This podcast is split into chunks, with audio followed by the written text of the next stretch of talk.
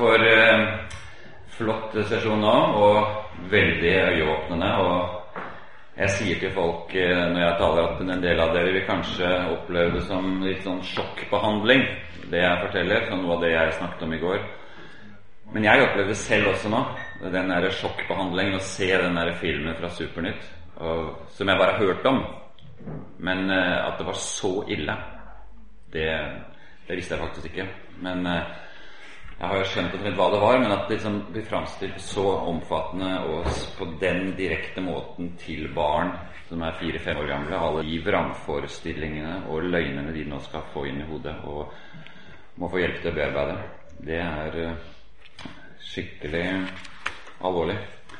Så det minner meg på en eh, jeg kjenner som bor oppe i Namsos, som hadde gått, eller bestemt seg for å gå på et sånt foreldremøte som Foreningen FRI skulle ha for foreldre i Namsos-området. Det sånn storforeldremøte hvor det skulle komme fra mange skoler, så det var iallfall et par hundre foreldre. Hun sa jeg skal legge av meg alt jeg har av eh, skepsis og fordommer nå. Skal jeg stille meg helt blanke ark, skal bare høre hva de sier, og hvordan de nå vil undervise foreldrene dette. Skal jeg se om kanskje at det ikke er så ille. Men så fortalte hun til meg et par dager etter i telefonen Det var bare mye verre enn jeg hadde fryktet. Og det er liksom som det er for Vi så dette her som eh, vi så nå fra Supernytt. Jeg fikk den opplevelsen også. Altså, jeg føler meg nesten litt sånn satt ut. Eh, da jeg som har jobba så mye med tematikken, så da skjønner jeg at folk eh, som hører dette her, om ikke for første gang, så iallfall at de kan føle at dette er sjokkbehandling. Men desto mer så trenger vi jo å gå til han som er skaperen. Vi trenger å søke Herren. Vi trenger å leve i lyset. Vi trenger å støtte hverandre. Altså Jeg opplever jo selv, og det gjør sikkert mange av dere også, at vi trenger hverandre mer. Fordi det er så tøft, og det vil bli så tøft. Og ikke minst for barnefamilier nå framover også, hvor vi må virkelig oppmuntre hverandre.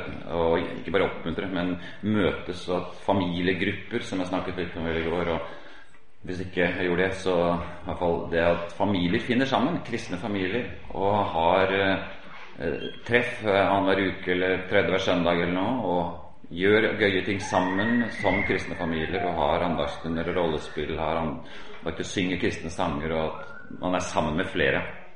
Det har jeg veldig tro på. Altså det å finne med, en medvandrer som virkelig vi kan være åpne med, og som vi kan være ansvarlige for å be sammen med. Og det er mange ting som kommer til å utvikle seg tror jeg, i årene framover av fornyelse, av kreative måter å tenke på, nye allianser, nye, nye fellesskap som finner sammen. Så det er jo veldig løfterikt, og jeg tror jo Gud sitter på tronen. Dette er ikke noe sånn historisk eh, sånn unikt at uh, ting virker voldsomme og uoverstigelige. Eh, selv om de kreftene som nå er i sving, er skikkelig sterke og aggressive. Og det er jo noe av det som eh, f.eks. hun eh, som jeg nevnte i Namsos, som hadde vært på et møte, hun har skrevet et par artikler. Hun har holdt på med doktorgrad i helsefag. Og hun har skrevet et par artikler om transtematikk, som ligger på nett også. og hun fikk da en eh, transperson, en mann, som var veldig aggressiv mot henne. Og de kontaktet rektor på universitetet der hun jobber, og hun ble kalt inn på teppet fordi hun hadde sagt noe, skepsis, noe uttrykk skepsis overfor transbevegelsen. Og hun hadde blitt tvunget til å beklage på nett og greier. Så kom heldigvis andre folk inn i, i prosessen og, og sa at dette går ikke an. Det er universitetet her som må legge seg flat, så må de beklage. Så det løser seg delvis foreløpig, men det er, det er, bare sånn typisk at folk vil nå oppleve mer og mer at uh, motstanderne går på livsgrunnlaget vårt ved å prøve å få seg avsatt, ved å skape dårlige forhold mellom oss og ledelsen. Og det er det jo mange eksempler på i USA og England etter hvert. Og dette viser jo at dette er åndskamp og kulturkamp på, på det aller høyeste nivå, vil jeg si. Det er ikke lenger noe som bare angår noen få, men det angår oss alle. Og da syns jeg det er passende med en, eh, et lite mm, sitat her fra noe som kanskje Luther har sagt, men det er ikke helt sikkert om det er noen andre som har gjort det. Men det er ikke så farlig, for eh, det er bra likevel. Dersom jeg med den høyeste stemme og den klareste skriftutleggelse bekjenner min tilslutning til hele Guds ord, bortsett fra det punktet som verden akkurat nå angriper, da bekjenner jeg ikke Kristus, uansett hvor frimodig jeg bekjenner ham. Det er der hvor kampen står, at soldatenes troskap blir prøvet.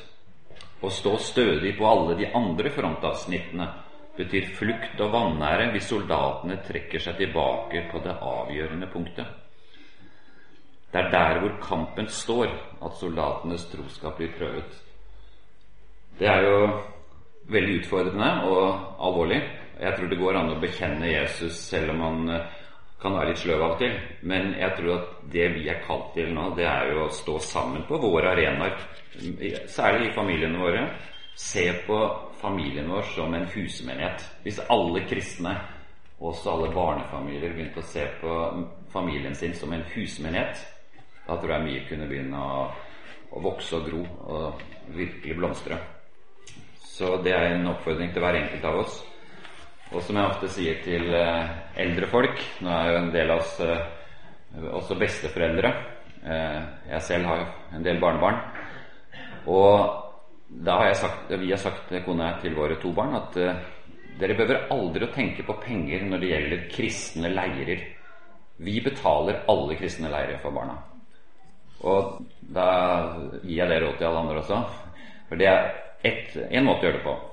Det å støtte våre barn og barnebarn. Og hvis noen da sier ja, men det kan jo bli veldig dyrt da, hvis de vil på mange kristne leirer. Jo, men send det på det. Og hvis det er nødvendig, så tar vi heller opp lån. Det er den beste investeringen vi kan gjøre. Vi vil heller ta opp lån for et par hundre tusen enn å kjøpe en bil til 400 000. Altså, altså det er mange muligheter eh, hvis vi bare vil. Og det samme gjelder jo også å kjøpe inn videoer, DVD-er, kjøpe kristne bøker, investere i våre barn og barnebarn. Det er det viktigste vi har. Det er det mest verdifulle, mest dyrebare.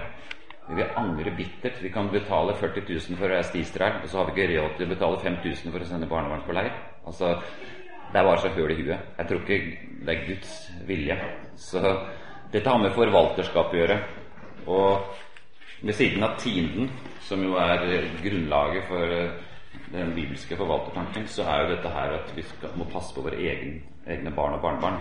Fordi hvis de vokser opp til levende kristne, så vil det ha enorme ringvirkninger videre.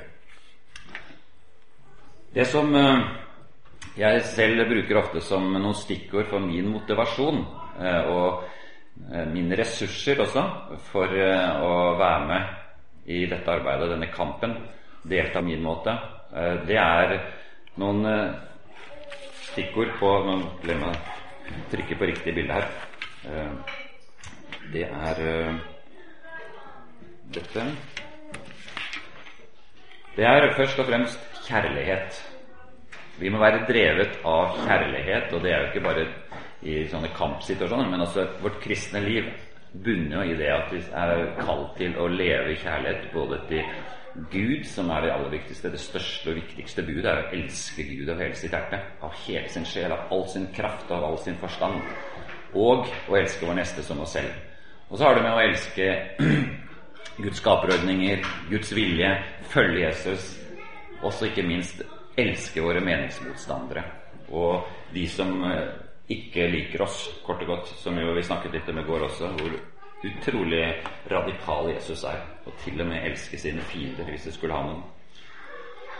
Møte mennesker, også de som både eh, velger å skifte kjønn, de som kanskje i nær familie eh, ønsker å flytte sammen med en av samme kjønn osv.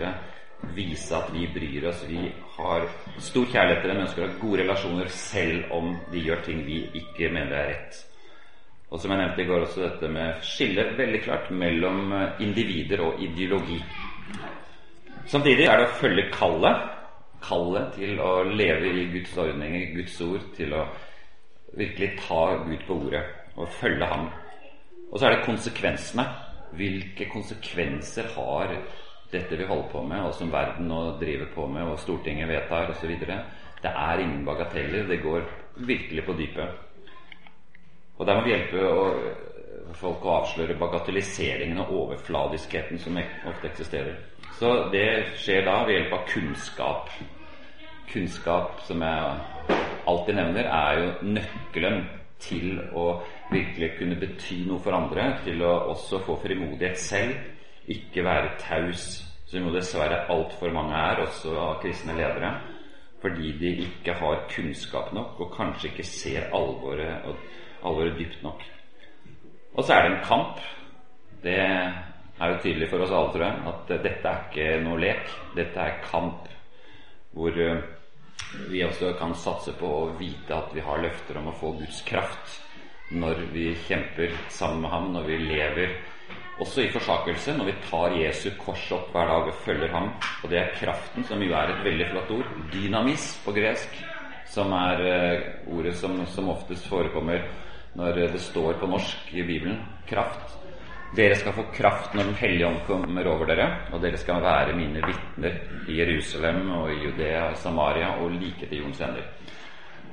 Og det er som uh, jeg vel nevnte i går også at vi må ha en selvforståelse hvor vi er i verden, men ikke av verden, og vi er sendt til verden.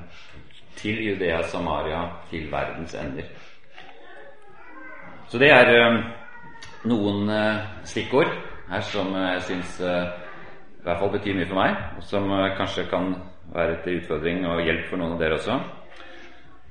Og da er Jesu utfordring det er jo dette som jeg allerede har nevnt, men som bare har lyst til å repetere med litt andre ord, andre stikkord. Det første det er jo bare å si om en kalle, som Jesus gir oss, nestekjærlighet overfor alle, også dem vi er dypt uenige med, og som kanskje fordømmer og forakter oss.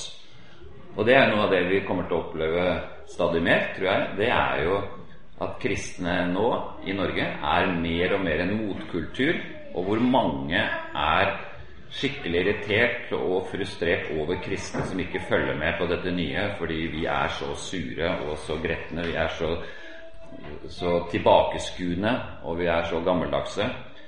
Og Tidligere var det sånn at kristne ble sett på ofte som de fromme, eh, som liksom var litt sånn spesielle, men det var greie. å som en, de drev med litt for mye som ikke andre gadd, men de var snille og greie, men fromme. Nå er det mer og mer sånn at kristne er ondskapsfulle. Jeg sier ikke at alle mener det, men så er det en del som nå mener det. Jeg selv har jo fått, eh, særlig for noen år tilbake, en del hatmailer og avskymeldinger. Og da var det du kan gruppere det i tre forskjellige kategorier. Enten så er Benestad syk, eller så er han dum og uinformert, eller så er han ond. Så syk, dum eller ond, det tror jeg er eh, noen av de kategoriene vi også må regne med eh, etter hvert i forhold til kanskje kolleger eller naboer eller andre vi møter. Og da er spørsmålet hvordan møter vi det? Idealet det er jo å være tro mot sannheten i kjærlighet, som Paulus skriver i Feserne 4. Det handler om både kjærlighet og sannhet. Om å bygge broer av kjærlighet og trekke grenser av sannhet. Broer av kjærlighet, respekt, vennlighet, godhet, ikke minst i de nære relasjonene, virkelig eh, huske det at vennlighet er et uh, bibelsk begrep som faktisk også er en del av åndens frukt i Galaterne 5. Skal vise det etterpå. Og så er det ja, og så er det dette med å trekke grenser av sannhet, hvor vi vet at vi vil gjerne ha god relasjon, men samtidig ønsker å stå for det vi tror er godt og rett og sant. Og det er ikke bare ønsker, men det har vi bestemt oss for av hele vår vilje. Og det er det som eh, er det ofte. Det er at sannheten kan bli relativisert, og vi kan bli presset og presset og etter hvert tilpasse oss, sånn som dessverre mange kristne gjør ulike, på ulike trosområder, ulike eh, trossannheter. Fordi vi ikke har fundamentet i orden. Fordi vi blir litt for mye preget av tidsånden i stedet for av Den hellige ånd. Svaret for oss og for alle kristne det er jo at på ulike måter kommer vi jo alle til kort overfor Bibelens bud og formaninger. Men vi har jo ikke av den grunn frihet til å omskrive, oppløse eller slå av på Guds bud. Svaret for oss alle er evangeliet.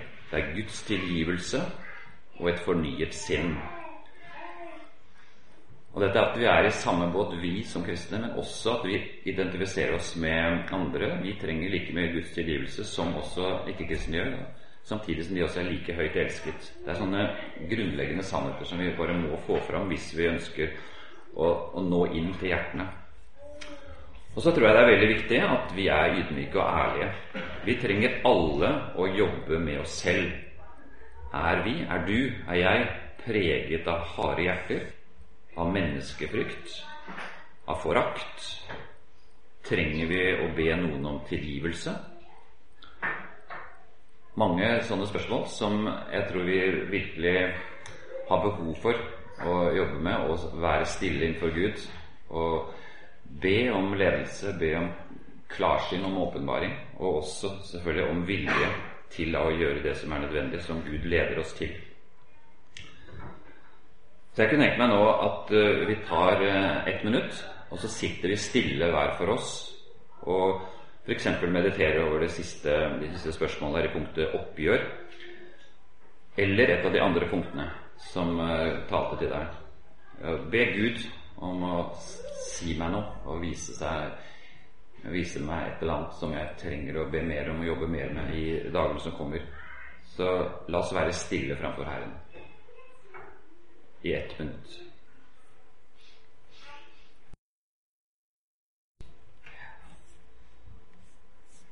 Ja, da fortsetter jeg. Jeg har lyst til å bare vise litt om uh, det som eh, står i Bibelen om ekteskapet. Og der vet sikkert eh, de fleste av dere en god del eh, viktig stoff. Men det som er helt sikkert, og i møte med alle de kristne nå etter hvert som tviler på at ekteskapet bare er for mann og kvinne, som godtar den radikale endringen i teologien som Den norske kirke har gjennomført, og som nå det er press på mange andre kirkesamfunn og organisasjoner i Norge også å gjøre, og det som er eh, det mest alvorlige, det er jo ikke presset utenfra, men det er presset innenfra. Det er eh, dette presset fra medlemmer som selv synes at dette begynner å bli veldig ubehagelig å, være sånn hår i suppa i samfunnet. Skal vi ikke vi også åpne opp for å kanskje ha to teologier, eller kanskje til og med si at ja, vi går steget helt ut at det er ikke bare to teologier, men det er det vi står for som med vår teologi. Det er ikke ja, det er ikke noen grenser egentlig for hvor langt man kan gå. Det kommer an på hvert kirkesamfunn. Men eh, det som vil skje, det er jo at eh, det blir mye splittelser. Vi vil oppleve, tror jeg, mye som eh, vi ikke hadde forutsett. Og jeg tenker jo at den tausheten som råder i mange sammenhenger nå, den vil jo føre bare én vei hvis ikke vi greier å bygge opp en ny kunnskap og en ny bevissthet om at her står det store ting på spill. Og som eh, Metodistkirken sannsynligvis kommer til å gjøre nå, de vil jo sannsynligvis både i Norge og internasjonalt dele seg i to kirkesamfunn fordi det blir for krevende. Det går på så dypt vann. Og det tror jeg vil skje med flere, og også organisasjoner, hvis ikke eh, ledere våkner opp til å skolere medlemmene sine og begrunne, hjelpe dem til å begrunne hvorfor vi tror det vi mener. Men det som er helt sikkert, det er jo at uh, Bibelen er soleklar på at Guds skaperordning for mann og kvinne, det er ekteskapet. Ekteskapet er for mann og kvinne et entydig budskap i skapelsesberetningen, i de ti bud Du skal hedre din far og din mor, i Jesu liv og lære, i alle beretninger, eksempler, symboler, i undervisning. Ekteskapet er mann pluss kvinne. Og i Gammeltestamentet Gud er brudgom, Israel er brud, men hun er ofte utro med fremmede elskere og avguder. Og i Nytestamentet Kristus er brudgommen, menigheten er bruden. Det er sånn som eh, Sven underviste litt om i sted også. Eh, ekteskap mellom mann og kvinne er faktisk et eh, avbilde av forholdet mellom Kristus og menigheten. Og i GT og NT så er det konsekvent og samstemt at ekteskapet er for mann og kvinne. Det finnes ikke ett eneste unntak. Og de eh, to grunnleggende tekstene som eh, vi har hørt litt om allerede, det er jo for det første det i Første Mosebok, om at Gud skapte mennesket sitt bilde til mann og kvinne.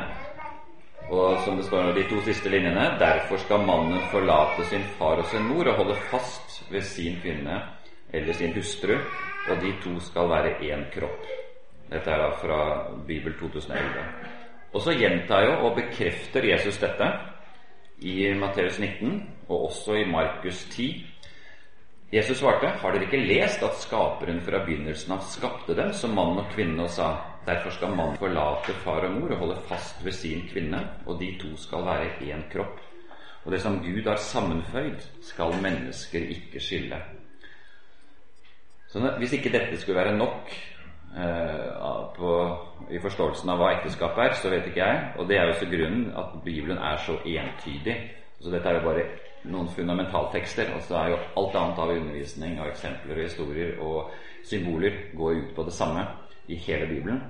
Og Derfor så er jo også ekteskapet eh, mellom mann og kvinne at det er det som er Guds ordning. Det er jo noe, noe av det mest felleskirkelige vi har når det gjelder kirkelære. Vi kan være uenige i kirkeordninger, i karismatikk, om nådegaver Vi kan være uenige om alle mulige ting mellom kirkesamfunn. Men her på det punktet så har alle kirkesamfunn vært enige i 2000 år på at ekteskapet, det er mann og kvinne. Og Derfor så er jo saken også i den verdensvide kirke at uh, det er kun noen få prosent som ikke er med i kirker som fortsatt står for at ekteskapet er mann og kvinne. Fram til vår tid så har alle kirkesamfunn hatt den samme læren og forståelsen av ekteskapet. 98% av kristne i verden tilhører kirkesamfunn som holder fast på at ekteskapet er Guds skaperordning for kvinne og mann. Det var en undersøkelse, en oversikt som Vårt Land laget for snart fem år siden, eller fire og et halvt år siden. Nå er det kanskje blitt 1 eh, mer, eh, fordi Den norske kirke etter det eh, endret sin ekteskapsteologi. Men det er ikke, så langt jeg vet, så er det ingen andre kirkesamfunn som har gjort det samme etter Den norske kirke.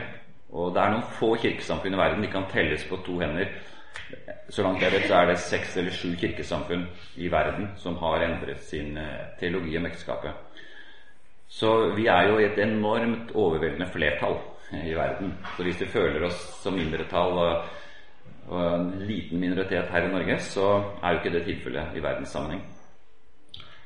Så kun to eller tre prosent tilhører kirkesamfunn som har rammedefinert. Også i noen kulturer, og dessverre også i noen kirker rundt om i verden, så blir homofile og andre seksuelle minoriteter trakassert og forfulgt. Og det må jo vi som kristne ta sterkt avstand fra. For vi kan ikke forsvare undertrykkelse og forfølgelse selv om noen lever annerledes enn det vi mener er rett. Så der har vi en oppgave, både i misjon og andre sammenhenger, å bevisstgjøre våre trosfeller i andre land om at uh, hold fast på at ekteskap er mann og kvinne, men ikke gå til angrep, verken fysisk eller på andre måter, mot mennesker i landet ditt som mener noe annet. Så det der er dessverre uh, en del ting som bør gjøres, og hvor vi som kristne brødre og søstre har mye større innflytelse enn mange andre sekulære ville hatt. En liten uh, interessant framstilling av hva Bibelen sier i ett eneste vers. Og det er litt uh, artig at man kan få snakke nesten alle de viktigste punktene om hva en bibelsk ekteskapsforståelse er, ut ifra dette ene bibelverset. Og Det er at uh, det handler om at mannen skal forlate sin far og sin mor, altså en voksen, selvstendig person. Det er ikke snakk om barnebrylluper av den slags og barnebruder. Det er forlate. Det er å ha et oppbrudd, en ny livsfase, ny lojalitet min nærmeste eh, person, en omsorgsperson eller nærmeste pårørende, er ikke lenger mor og far, men det er min ektefelle. Når jeg forlater familien, mor og far, og så blir jeg ett med min ektefelle, Jeg er gift med henne eller han. Og så er det sin far og sin mor, altså forlate den naturlige familien med biologiske foreldre. Og så er det å holde fast ved. Det er en ny familie og en ny sosial enhet i livslang trofasthet. Holde fast ved det er et interessant ord, for det kan også bety være limt sammen. Med, med superlim, for å si det sånn. Det er eh, pakten. Det er det varige. Det er det forpliktende fellesskapet. holder fast ved sin kvinne eller sin hustru. Som altså viser det at det er kjønnspolaritet. To kjønn som tilhører og utfyller hverandre.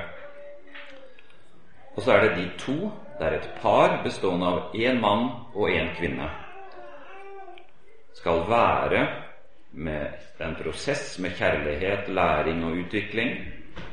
De skal være én kropp, et kjød. En unik fysisk, emosjonell og åndelig enhet mellom mann og kvinne, som igjen fører til familie og som regel foreldreskap. Dette er jo sannheter som det er skrevet uh, utrolig mange bøker og avhandlinger og stoff om, artikler og andakter, og pave Johannes Paul 2. som holdt 129 forelesninger om kroppens teologi, som også går på disse tingene her.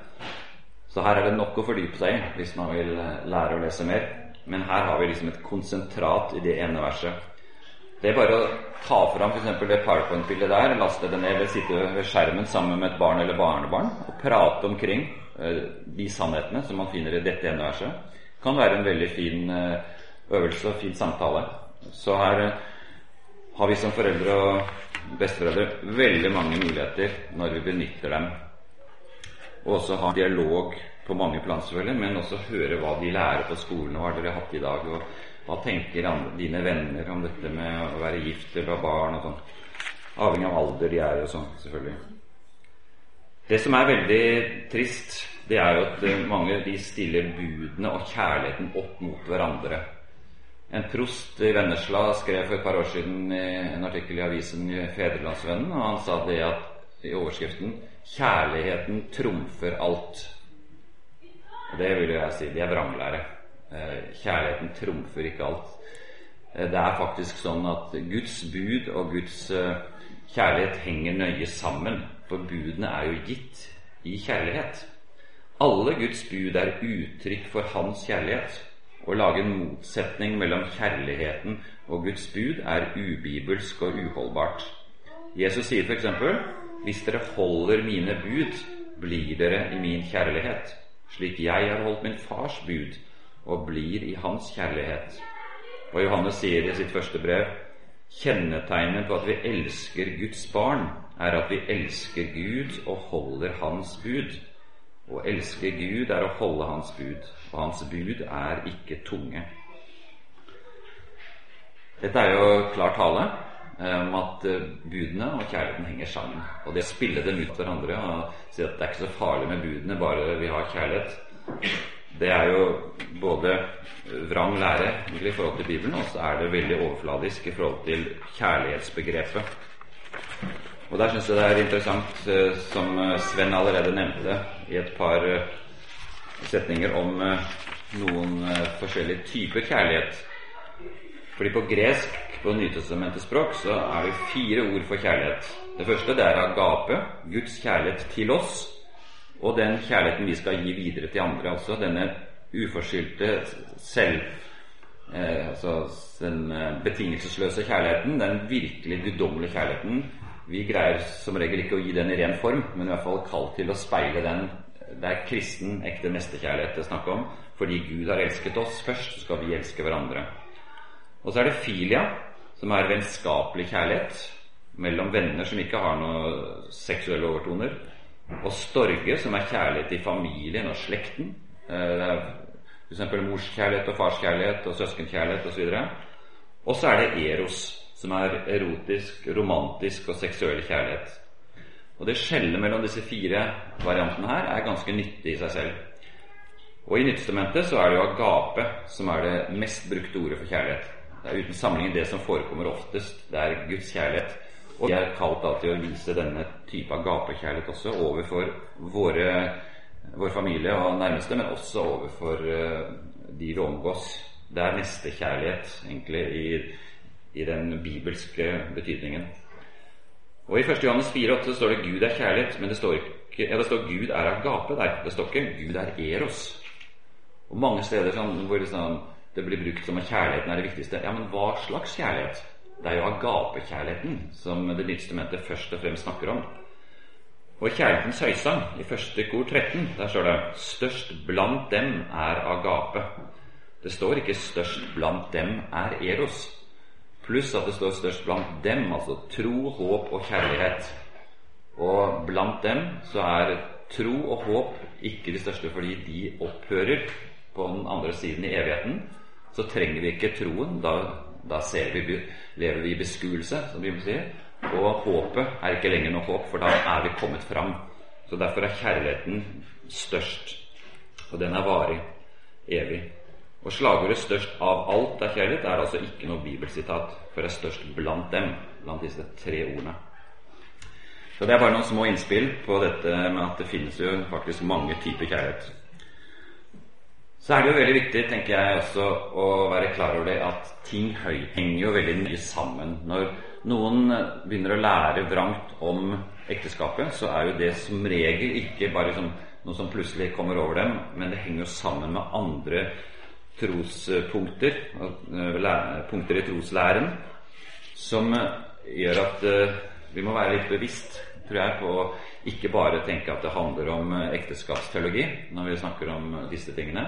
Nei, det er veldig ofte også andre ting som ligger i bunnen, og som vi kanskje bør avklare. For det er mye overfladiskhet når folk snakker sammen. Ja, vi, vi er jo uenige med dette her med ekteskap og sånn, men vi er jo enige i det viktigste, nemlig evangeliet. Ja, er vi det? Det er ikke så sikkert. Og det tror jeg vi bør begynne å snakke eller spørre hverandre mer eh, når vi snakker om sånne ting, med folk som ikke er enige med oss, eh, både innad i våre egne sammenhenger og, og fra andre sammenhenger. Og Det første det er jo bibelsynet. Det jo, disse spørsmålene henger veldig nøye sammen med bibelsynet. Og da er det to hovedvarianter av bibelsyn. Det ene det er at Bibelen er Guds ord, sånn som er den tradisjonelle kristne læren om Bibelen. Bibelen er Guds ord. Og så må vanskelige steder tolkes i lys av klarere steder, og Bibelen tolker seg selv. Og så er det, det andre, eh, den andre varianten. Det er at Bibelen inneholder Guds ord. Og den er jo skummel, fordi da er det jo opp til oss å finne ut hva er Guds ord, og hva er ikke Guds ord.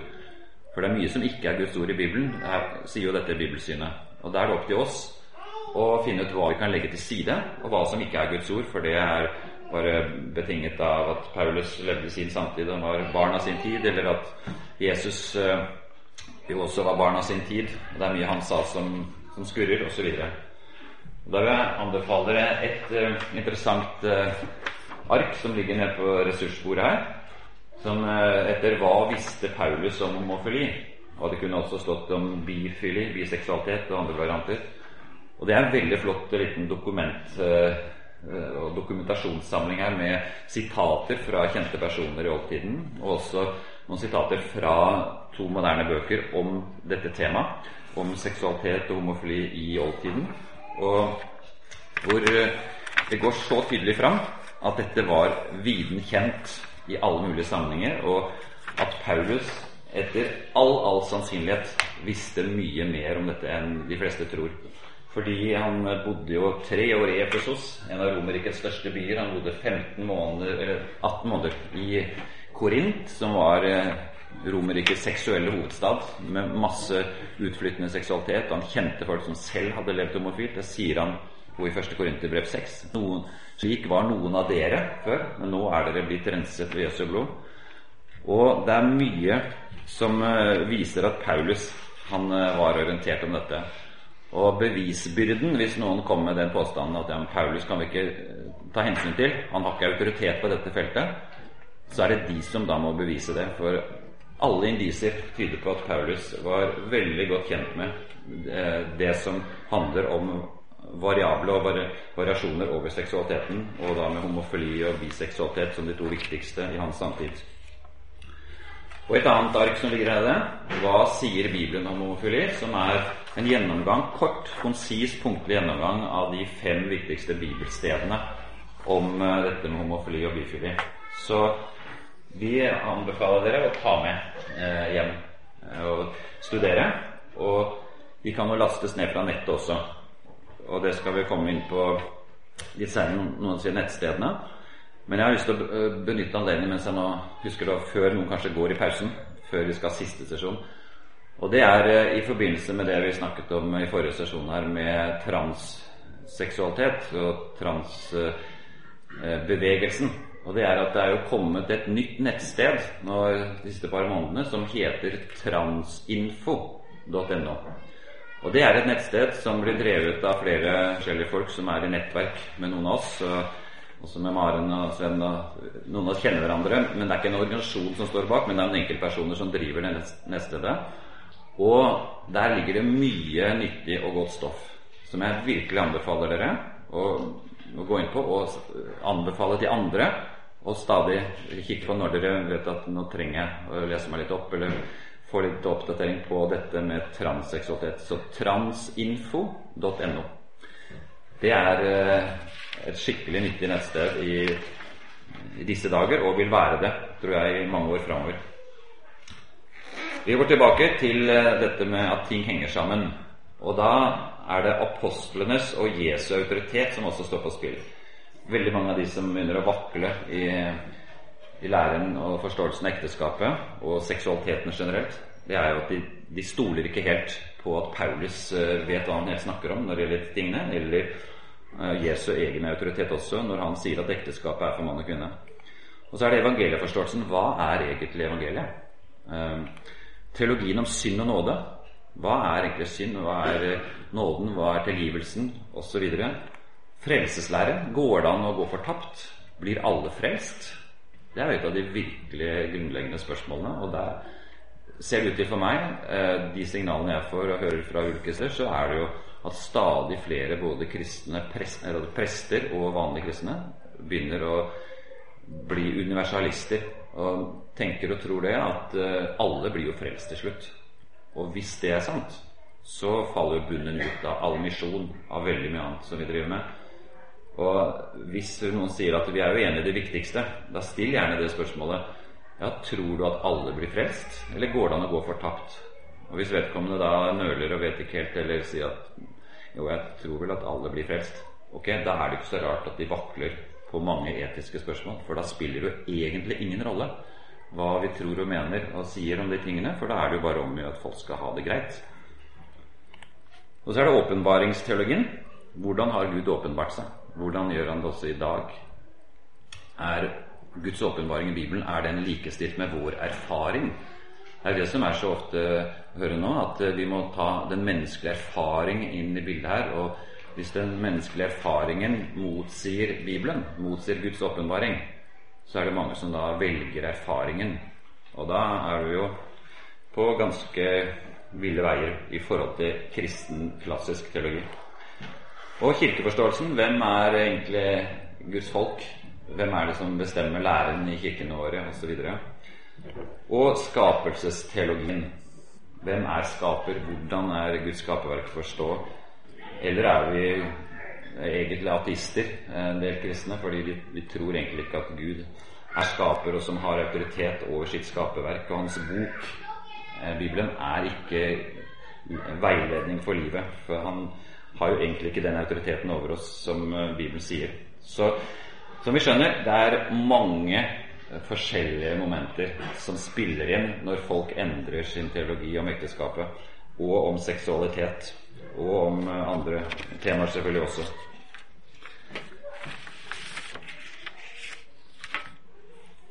Det er tre grunnpilarer som eh, jeg syns eh, jeg vil gjerne understreke at vi må bare holde fast ved, og som vi er nødt til å stå på hvis vi har tenkt å bli værende i den bibelske teologien og forståelsen av ekteskap, av barn og seksualitet. Og det er tre stikkord som eh, jeg håper dere vil lære dere. Eh, de er lette å huske, og de er helt eh, grunnleggende. Tre grunnpilarer. Det første det er ekteskapet. At ekteskapet er en skaperordning for mann og kvinne innstiftet av Gud. Det er ingen menneskelig oppfinnelse eller sosial konstruksjon. Jeg sa det i går, og jeg gjentar det i dag, at hvis vi vakler der, hvis vi gir opp den bibelske læren om at ekteskapet er for mann og kvinne, da har vi tapt. Da kommer vi til å vakle og gi opp på omtrent alt annet som følger i, i den strømmen som vi da åpner opp, den demningen, alt det som kommer ut. fordi da har vi oppgitt kjønnets betydning. Mann og kvinne, mor og far betyr ikke noe, fordi ekteskapet kan jo være to av samme kjønn. og vi har oppgitt også, tror jeg, på nokså kort sikt hvorfor skal ekteskapet bare være to personer? Hvis to kvinner kan gifte seg, hvorfor kan ikke tre kvinner gifte seg? Hva er problemet? Hvis tre kvinner er glad i hverandre, er deres kjærlighet mindre verdt? Eller tre menn, eller to menn og en kvinne, osv. Men ekteskapet det er Guds skaperordning for én mann og én kvinne. Som vi leste i teksten også at, uh, i Første Mosebok og i Matteus 19. At der, og de to skal være ett. Så ekteskapet det er som grunnvollen og pilaren nummer én, som er lett å forsvare bibelsk fordi det er så entydig. Og det er objektivt veldig enkelt også fordi det er kjønnspolariteten. Det er de eneste som kan få barn sammen.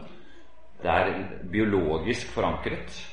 Og Derfor så må vi stå fast på at ekteskapet er mann og kvinne hvis vi har tenkt å stå fast i denne både tsunamien og dette presset og trykket som kommer nå mer og mer over oss.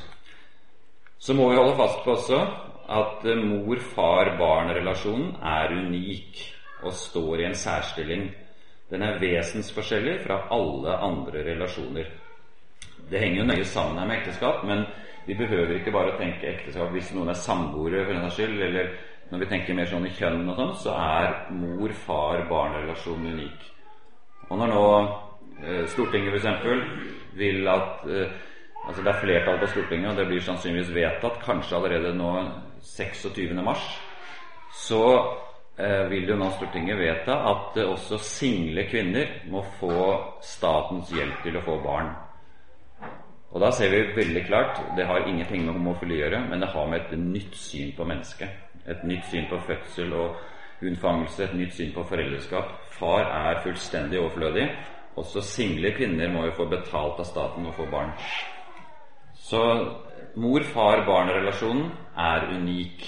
Det er det som er grunnvollen til at barn, og det som er utgangspunktet for at barn blir født. Og at barn har rett på sin egen mor og far. Og det er da barneperspektivet. Barn har en gudgitt rett i sin egen mor og far. Ingen har lov til å frata dem denne retten. Verken mor eller far er overflødig.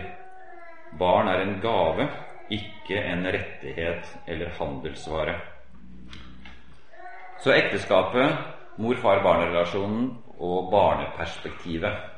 Det er tre stikkord som danner et solid fundament og tre pilarer i den forståelsen som i hvert fall jeg står for, og som eh, de aller fleste kristne i verden står for, og som vi også i Norge trenger å stå for og forsvare, selv om det vil koste oss kanskje dyrt, så opplever i hvert fall jeg at dette er et spørsmål om troskap mot vår Herre og Frelser og mot uh, Bibelens sannheter. Og den som står fast på disse tre sannhetene, med Jesus som forbildeautoritet, vil kunne stå støtt i møte med utfordringene som kommer. Det blir ikke enkelt, det kan bli kjempevanskelig, men hvis vi står på disse tre eh, fundamentene, så er det mulig å stå støtt, og vi kan hjelpe mange andre når vi har disse klart for oss og kan forsvare dem og kan begrunne dem og har jobbet med forskjellige relaterte spørsmål til disse tre stikkordene. Og I den sammenheng så er jo disse ressursarkene veldig nyttige. Og som jeg nevnte går, også den boka til eh, Espen Ottosen som står der på bordet, som ikke jeg kan se nå, men fordi jeg skal ha vise fram til noen andre også. Men dere kan bestille den gjennom en hvilken som helst bokhandel. Og der har jo han Bjørn Helge Sandvei har jo da et 50 siders ja, kapittel der som nettopp går gjennom på en veldig grundig og god måte hva sier Det nye testamentet om seksualitet og homoseksualitet. Så til slutt så har jeg lyst til å gi dere noen få råd som er eh, noe som en venn av meg skrev på Facebook rett etter at den kjønnsnøytrale teologien ble vedtatt i Kirkemøtet i januar 2017. Da var det sånn litt til trøst og litt til oppmuntring og formaning som han uh, skrev disse tingene. Og jeg syns uh, det er ålreit å avslutte denne stasjonen med. Uh, la oss ikke bli sinte. Sinne fører ikke til noe godt.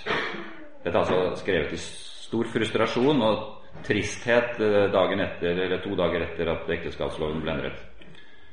Og ekteskapsforståelsen i Kirkemøtet, mener jeg. La oss ikke bli mismodige, for mismot kommer ikke fra Gud. La oss ikke frykte, For frykt fins ikke i kjærligheten. Gud kommer til å klare seg. La oss ikke si aggressive og usaklige ting om folk, uansett hvor uenige og skuffet vi er. La oss ikke tenke at Norge og Den norske kirke er verdens sentrum. Ja, det er trist når noen dør, men når noe dør, men levende, sann Kristus-tro spirer og gror kraftig mange andre steder. La oss ikke glemme å glede oss i Herren. Han er fortsatt den oppstandende. La oss ikke tillate djevelen å få rom ved å gjøre oss ergerlige, oppgitte, selvmedlidende og sure. Og hele folket sa amen.